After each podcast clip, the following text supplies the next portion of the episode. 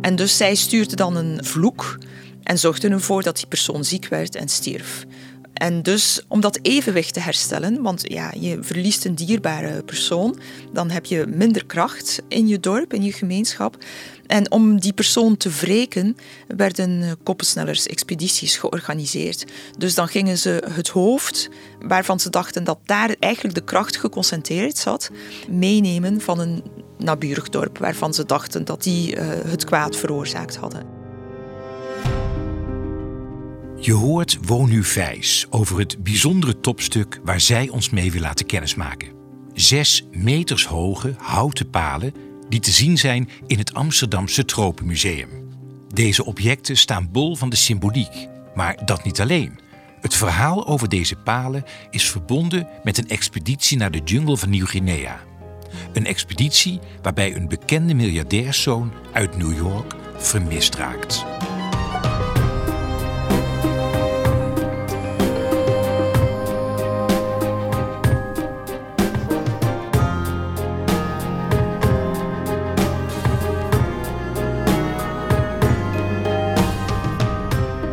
Luistert naar Topstukken, de podcast over de mooiste kunst en cultuur van Nederland.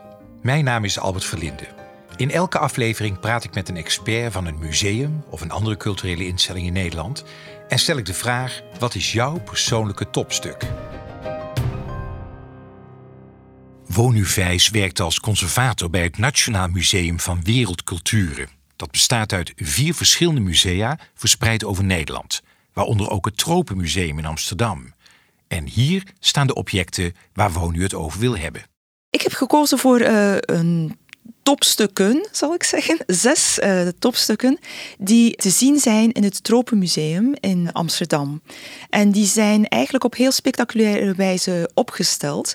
Want als je de lichthal binnenkomt van het Tropenmuseum, wat op zich al een heel indrukwekkend gebouw is, dan zie je aan beide kanten, tussen de bogen, zes biespalen opgesteld. Wat zijn dat?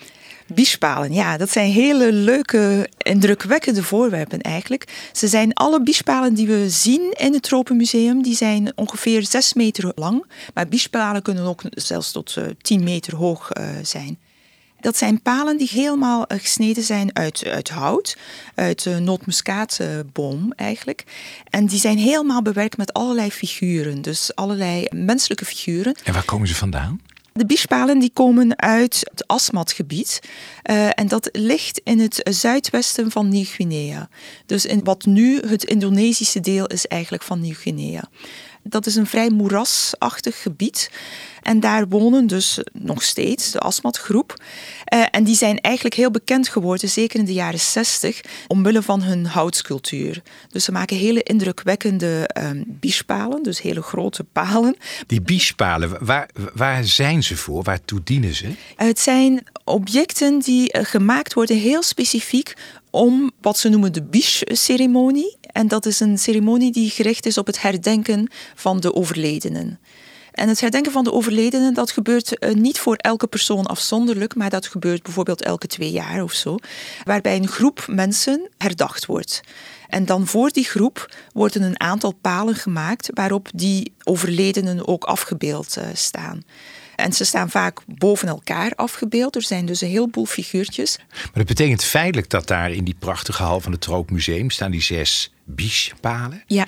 Dat, daar staan dus mensen op afgebeeld die echt geleefd hebben. Ja, het zijn niet noodzakelijk portretten, maar het zijn wel een soort geïdealiseerde voorstelling van die personen. En het is de bedoeling eigenlijk dat de ziel van de overledene zich gaat vestigen in het beeld, in die biespaal, zodat hij dan eigenlijk veilig na een periode van rouw het dorp kan verlaten. En die biespaal wordt daar neergezet, er is een ceremonie. En wat gebeurt er dan mee? Blijven ze staan? Ja, het ding is dat ze eigenlijk, ze worden zelfs niet neergezet. Er wordt een heel een soort stellage voor gebouwd, waarop ze dan vastgebonden worden. En vaak staan ze een klein beetje schuin opgesteld. En dan worden ze tijdens de ceremonie, waarbij veel uh, gedanst wordt, gegeten wordt ook, want dat is ook heel belangrijk. Wanneer uh, de doden klaar zijn eigenlijk om het eh, dorp te verlaten, dan uh, worden ze naar het oerwoud gebracht en daar achtergelaten om te rotten eigenlijk. En eigenlijk om een soort cyclus te voltooien, want door het rottende hout geven ze weer voeding aan larven, larven van de boktor, ah, die dus eigenlijk een belangrijke ja, het ultieme einde is eigenlijk het nieuwe begin. Het is een nieuwe begin, ja. Het is betekent uh, het begin van iets nieuws. En dat is echt een afsluiting van een bepaalde periode, een periode van rouw. Ook een periode waarbij mensen soms het gevoel hebben dat ze heel veel aan kracht verloren zijn, omdat die mensen overleden zijn. En mensen binnen de gemeenschappen uh, vertegenwoordigen toch een bron van kracht. En dus om die cyclus eigenlijk af te sluiten, worden die biespalen dan achtergelaten en uiteindelijk uh, kan er iets nieuws beginnen. Maar palen die in het oerwoud liggen, die rotten, die, hoe zijn deze dan bij jullie terechtgekomen? Ja, precies. Want ze zouden ja. hebben moeten verdwijnen. Ja, de bedoeling is dat de palen verdwijnen. Hoe ze precies verdwijnen is niet zo belangrijk. Dus uh, deze palen die in het museum zijn, bijna alle zes zijn aangekocht door een professionele verzamelaar. En het aankopen van objecten is ook een manier om deze objecten te laten verdwijnen. Want dan worden ze in een museum, hebben ze hun rol vervuld. Ze worden in een museum bewaard en opgesteld. En zijn ze eigenlijk ver weg van de asmat. En kunnen ze op die manier die cyclus afsluiten. En hebben ze ook wat geld uiteindelijk gekregen, wat ook kan zorgen voor een nieuw begin. En de mensen waren het er helemaal mee eens. En het belangrijkste aspect is dat het verdwijnt. Dat het mhm. dus niet, want als het niet zou weggaan, zou dat betekenen dat de ziel van de overledene blijft hangen. En een uh, hangende ziel betekent nooit goed nieuws eigenlijk. Voor de asmat uit Nieuw-Guinea hebben de biespalen dus een bijzondere betekenis. De meterslange palen, vol houtsnijwerk, die worden achtergelaten in het moeras, vormen het slot van een lang en feestelijk rouwproces dat wordt heel nauwgezet voorbereid. Dus voor men beslist om een feest te houden, wordt gekeken van hoe gaan we dat doen, wanneer gaan we dat doen. En dan moet er vooral voor eten gezorgd worden. En het belangrijkste voedsel eigenlijk tijdens zo'n feest zijn larven. Larven van de boktor. En die larven die leven graag in de sagopalm. De sagopalm is ook een bron van voedsel voor de asmat. De vezels worden uh, vermalen en geperst tot, tot meel eigenlijk uh, gemaakt. Maar hoe groot zijn die larven? Uh, ze zijn ja, best wel groot hoor. Ze zijn, zijn een beetje lang. Hè. Zo, ja, echte larven. Ja, het ziet er een okay, beetje onsmakelijk uit. Ze worden vaak niet klaar gemaakt. Ze eten ze rauw op? Ja, ja, ja. Het is een lekkernij voor kinderen. Die zijn er helemaal gek op. Serieus? Ja, en dan bewegen ze nog? Ja, ja. ja. Oké, okay. Ja, het is niet zo... Ja, het is ook niet helemaal mijn lievelingsgerecht, maar... Maar daar vinden ze het heerlijk? Ja, het is echt het feestmaal. Maar je moet zorgen dat je er genoeg hebt natuurlijk voor het feestmaal. Dus zorgen dat die goed groeien. Dat duurt ongeveer zes weken voor ze echt helemaal ontwikkeld zijn. En ondertussen wordt de boom gekapt. Dat gaat ook al gepaard met allerlei ceremoniële activiteiten, met feest, met, uh, met dans.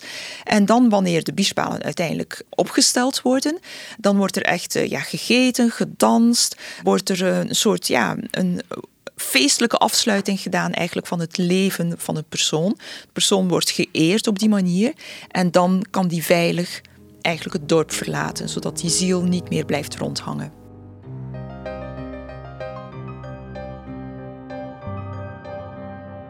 Deze ceremonies zijn dus nauw verbonden met de cultuur van de Asmat, net als hun hoogstaande houtsnijwerk.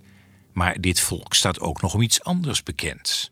Heel vaak worden ze geassocieerd met uh, koppensnellen. Dat is altijd een beetje moeilijk en dat ligt heel gevoelig, omdat het als een soort uh, ja, heel krijgshaftige, vrede samenleving voorgesteld wordt. En dat klopt niet helemaal. Maar ze hakken koppen af, dus. Ja, het is waar dat in het verleden dat is nu echt niet meer zo. Het idee bestaat waarschijnlijk nog wel steeds, maar de praktijken rond niet meer. uh, dus er bestond het idee dat als mensen stierven, dat dat nooit toeval kon zijn. Alleen kleine kinderen die konden toevallig sterven of hele oude, oude mensen. Maar als iemand die vrij jong was en in de kracht van zijn leven. Ja, precies. En dat hij ziek werd en dan stierf, dat, dat kon gewoon niet toevallig zijn. Dus ze waren ervan overtuigd dat er kwaad opzet in het spel was. En dat kwaad opzet dat kon komen van bijvoorbeeld een naburig uh, dorp, waarbij iemand of het hele dorp het slechtste voor had met de gemeenschap of met die persoon. En dus zij stuurde dan een vloek en zorgde ervoor dat die persoon ziek werd en stierf. En dus om dat evenwicht te herstellen, want ja, je verliest een dierbare persoon, dan heb je minder kracht in je dorp, in je gemeenschap. En om die persoon te wreken, werden eh, koppensnellers-expedities georganiseerd. Dus dan gingen ze het hoofd, waarvan ze dachten dat daar eigenlijk de kracht geconcentreerd zat, meenemen van een naburig dorp, waarvan ze dachten dat die uh, het kwaad veroorzaakt hadden. kan het dan zo zijn dat als ik naar het naburige dorp toe ga, en ik ga een, een, kop snellen, om het mm maar zo te noemen, ja, ja, dat dat dorp denkt, ja, maar nou hebben wij Precies. ook weer iets te vereffen, dat ze ook weer de andere kant dat op gaan. Zorgde, dat zorgde dus natuurlijk voor een soort onophoudelijke cyclus van doden die gewroken moesten worden. En uh, dat heeft ook waarschijnlijk een bijdrage geleverd aan dat idee van dat de Asmat hele woeste, vrede mensen waren. Omdat dus die, die dood telkens gewroken moest worden. En ja, dat houdt nooit op eigenlijk op die manier. Maar het, het is gestopt? Hoe, ja, hoe stopt zoiets? hoe hebben ze dat gedaan? Ja, dat is eigenlijk door de koloniale overheid, dus door de Nederlanders. Asmatgebied is vrij lang vrij geïsoleerd eh, gebleven. Het is dus een ja, moerassig gebied, wat moeilijke eh, qua toegang en het is pas in 1953 ehm, dat er een permanente Nederlandse koloniale post gevestigd was, was in uh, Agats, wat nu de belangrijkste stad is van het Asmatgebied. En samen met de koloniale overheid kwamen ook missionarissen. Dat waren dus uh, katholieken. En die zeggen, nou is klaar, sinds Bonifatius trappen we daar niet meer in. Er wordt niet meer gekoppel gesneld. Uh, ja, die zeiden van dat strookt gewoon niet met de christelijke leer. Dat je ja, mensen gaat doden omdat je wraak wil nemen. En dat hebben ze geaccepteerd? Dat heeft wat geduurd, want er waren wel weer soms uh, ja, opflakkeringen. Waarbij uh, mensen dachten van ja, maar deze belangrijke persoon is nu overleden, dat pikken we niet, dat kan niet. Dus er waren wel opflakkeringen tot in de jaren zestig. Maar daarna is het echt, uh, ja, echt volledig gestopt. Maar wat er interessant aan is, is dat de ideeën, de vormentaal, van die gepaard gaat met koppensnellen, die is wel blijven voortleven. En die zie je dus ook op die biespalen. Je ziet elementen zoals bijvoorbeeld de bitsprinkhaan. Je ziet dieren zoals de jaarvogel. En dat zijn allemaal dieren die geassocieerd worden met koppensnellen. De bitsprinkhaan is misschien het meest duidelijke voorbeeld, omdat de bitsprinkhaan, het vrouwtje, na het paren bijt vaak de kop van het mannetje af. Dus voor Asmat is dat een duidelijk symbool van koppensnellen. Dus op die manier leeft dat door. En worden die ispalen nog steeds gemaakt? Bestaat die traditie nog wel? Ja, de biespalen worden nog steeds gemaakt. Ik heb vorig jaar uh, foto's gezien van een hele nieuwe biespaal die dus uh, gemaakt was, die, die klaar stond om gebruikt te worden, om dus het hele biesfeest uh, te vieren en die persoon dus op een eervolle manier te herdenken. De Asmat leven een vrij geïsoleerd bestaan in de eindeloze moerassen van Nieuw-Guinea. Daardoor hadden wij in het Westen lange tijd geen weet van deze bijzondere cultuur. Dat verandert in 1961 als een bekende Amerikaan een expeditie onderneemt naar Nieuw-Guinea en de Asmat wereldnieuws worden. Michael Rockefeller die was dus de, de zoon van een hele rijke Rockefeller, Amerikaanse familie uh, in New York. Um, en die had heel veel interesse in kunst eigenlijk, van over de hele wereld. Hij had de gelegenheid gezien om mee te gaan met een expeditie. Daar was hij al eerder meegegaan. Hij maakte graag foto's. En dus nu was hij op zijn tweede expeditie eigenlijk in het Asmatgebied in 1961. En toen was hij samen met, en dat is ook best interessant, met de conservator van het Wereldmuseum in Rotterdam was hij in een bootje met nog andere mensen. En het bootje, de motor, die deed het niet meer. Toen dacht uh, Michael Rockefeller met een aantal andere mensen van hij was jong, dus uh, ik zwem wel even naar de kust. En dat heeft hij gedaan en toen is hij nooit meer teruggezien. En dat heeft heel lang geduurd ja, mensen zijn er proberen achter te komen wat er precies uh, gebeurd zou zijn.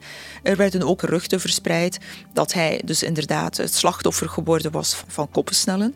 Dus dat zijn hoofd meegenomen was, dat hij gewoon gedood was, dat hij verdronken was. Uh, eigenlijk, ja, niemand wist het. Maar wat is het meest reële scenario? We zijn nu, nu, nu 60 jaar verder in de tijd. Nu denkt men dat hij inderdaad gedood is Dat hij dus inderdaad uh, aan de kust gekomen is en dat hij inderdaad uh, gedood is. En, maar gekoppersneld? ja, ja, dus vermoord en waarschijnlijk ook wel zijn hoofd meegenomen als element van kracht. Maar zeker weet je het natuurlijk niet, want de verhalen. Maar waarom die denken ze dat worden, dan nu? Omdat allerlei elementen daarop zouden wijzen. En dat Asmat mensen zelf dat ook vertellen. En natuurlijk eh, kan het zijn dat Asmat mensen dat toen verteld hebben om te zeggen van blijf uit onze buurt, we willen jullie hier niet. Kijk maar wat er gebeurt met eh, als je te dicht bij ons komt. Daar zit zeker iets, iets van in ook. Uh, maar andere elementen wijzen toch op, ook mensen die hem gezien zouden hebben, mensen met wie hij toch nog gesproken heeft voor hij aan land ging. Dus waarschijnlijk lijkt dat lijkt er wel op. Maar het, het ligt heel gevoelig ook binnen de Rockefeller-familie, want hij had een tweelingzus, die leeft nog. En die bewaakt ook uh, ja, dat verhaal heel nauwgezet. Dus die wil ook niet dat bepaalde dingen ja, zomaar naar buiten komen. Maar hij is nooit op een biespaal opgedoken? Nee, daar weten we niks van eigenlijk. Ja, nee. Is wrang genoeg de dood en de verdwijning van Michael Rockefeller ook de reden dat we weten dat de cultuur bestaat? Uh, niet helemaal, maar het heeft er wel heel erg toe bijgedragen dat het bij het brede publiek uh, bekend werd. Want als je nu vandaag naar het Metropolitan Museum in New York gaat, dan is de Oceanië-vleugel die heet de Michael Rockefeller Wing. Die is dus genoemd naar hem. En die laat dus ook een aantal hele indrukwekkende biespalen zien. Die vleugel is eigenlijk speciaal gebouwd om die biespalen te kunnen laten zien. Dat zijn zulke grote voorwerpen. En daar staan ze echt heel mooi opgesteld. Dus het heeft ervoor gezorgd, de, de asmatcultuur die was al bekend. Die was eigenlijk al bekend sinds de 17e eeuw. Maar het is pas eigenlijk vanaf Michael Rockefeller dat het echt voor het brede publiek uh, bekend was. De kunstuitingen zijn echt op de kunstmarkt ook gekomen sinds uh, Michael Rockefeller. En het mooie is natuurlijk, je praat over breed publiek, dat als je niet het geld hebt om naar New York toe te gaan, Precies. Dan kun je gewoon naar het Tropeninstituut en daar staan zeker. ze. Want wij, wij hebben eigenlijk in het Nationaal Museum van Wereldcultuur hebben we een hele grote collectie. Eigenlijk de grootste collectie ter wereld van biespalen. We hebben zo'n veertigtal biespalen in onze collectie. En daarvan staan er zes opgesteld. Dus die zijn heel mooi te bewonderen in het eh, museum, in het Tropenmuseum. Er zijn er ook mensen die zeggen: moet dan dat wat zo in die omgeving hoort, moet dat dan naar een andere kant van de wereld om tentoongesteld te worden? Hoe? Ja, eigenlijk, ik zal het perspectief even omdraaien. Als je die vraag stelt aan mensen uit het asmatgebied, en ik spreek specifiek over het asmatgebied, want dat kan voor andere bevolkingsgroepen heel anders zijn. Maar uit het asmatgebied zijn ze eigenlijk best trots dat mensen hier kunnen zien welke fantastische voorwerpen zij maken. En aangezien die voorwerpen altijd bedoeld waren om te verdwijnen, ja, zij kunnen er nu niks meer mee, want ja, die doden moeten weg. En dus ze zijn trots dat wij in Amsterdam... En ze zijn trots dat mensen gewoon kunnen zien welke fantastische voorwerpen zij maken en wat voor fantastische kunst zij eigenlijk hebben.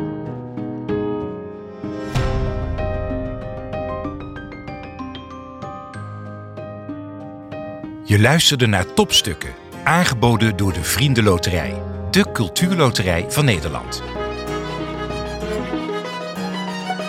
Mijn naam is Albert Verlinde, ambassadeur van de Vriendenloterij. Ik ben er trots op dat wij cultuur steunen in heel Nederland, dankzij onze deelnemers. En als je meespeelt in de Vriendenloterij, ontvang je een VIP-kaart waarmee je korting krijgt op de leukste uitjes en gratis ruim 125 musea kunt bezoeken. Dus ook het Tropenmuseum in Amsterdam.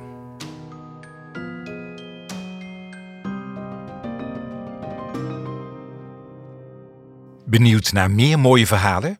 Abonneer je dan gratis op Topstukken in je favoriete podcast-app of ga naar topstukkendepodcast.nl.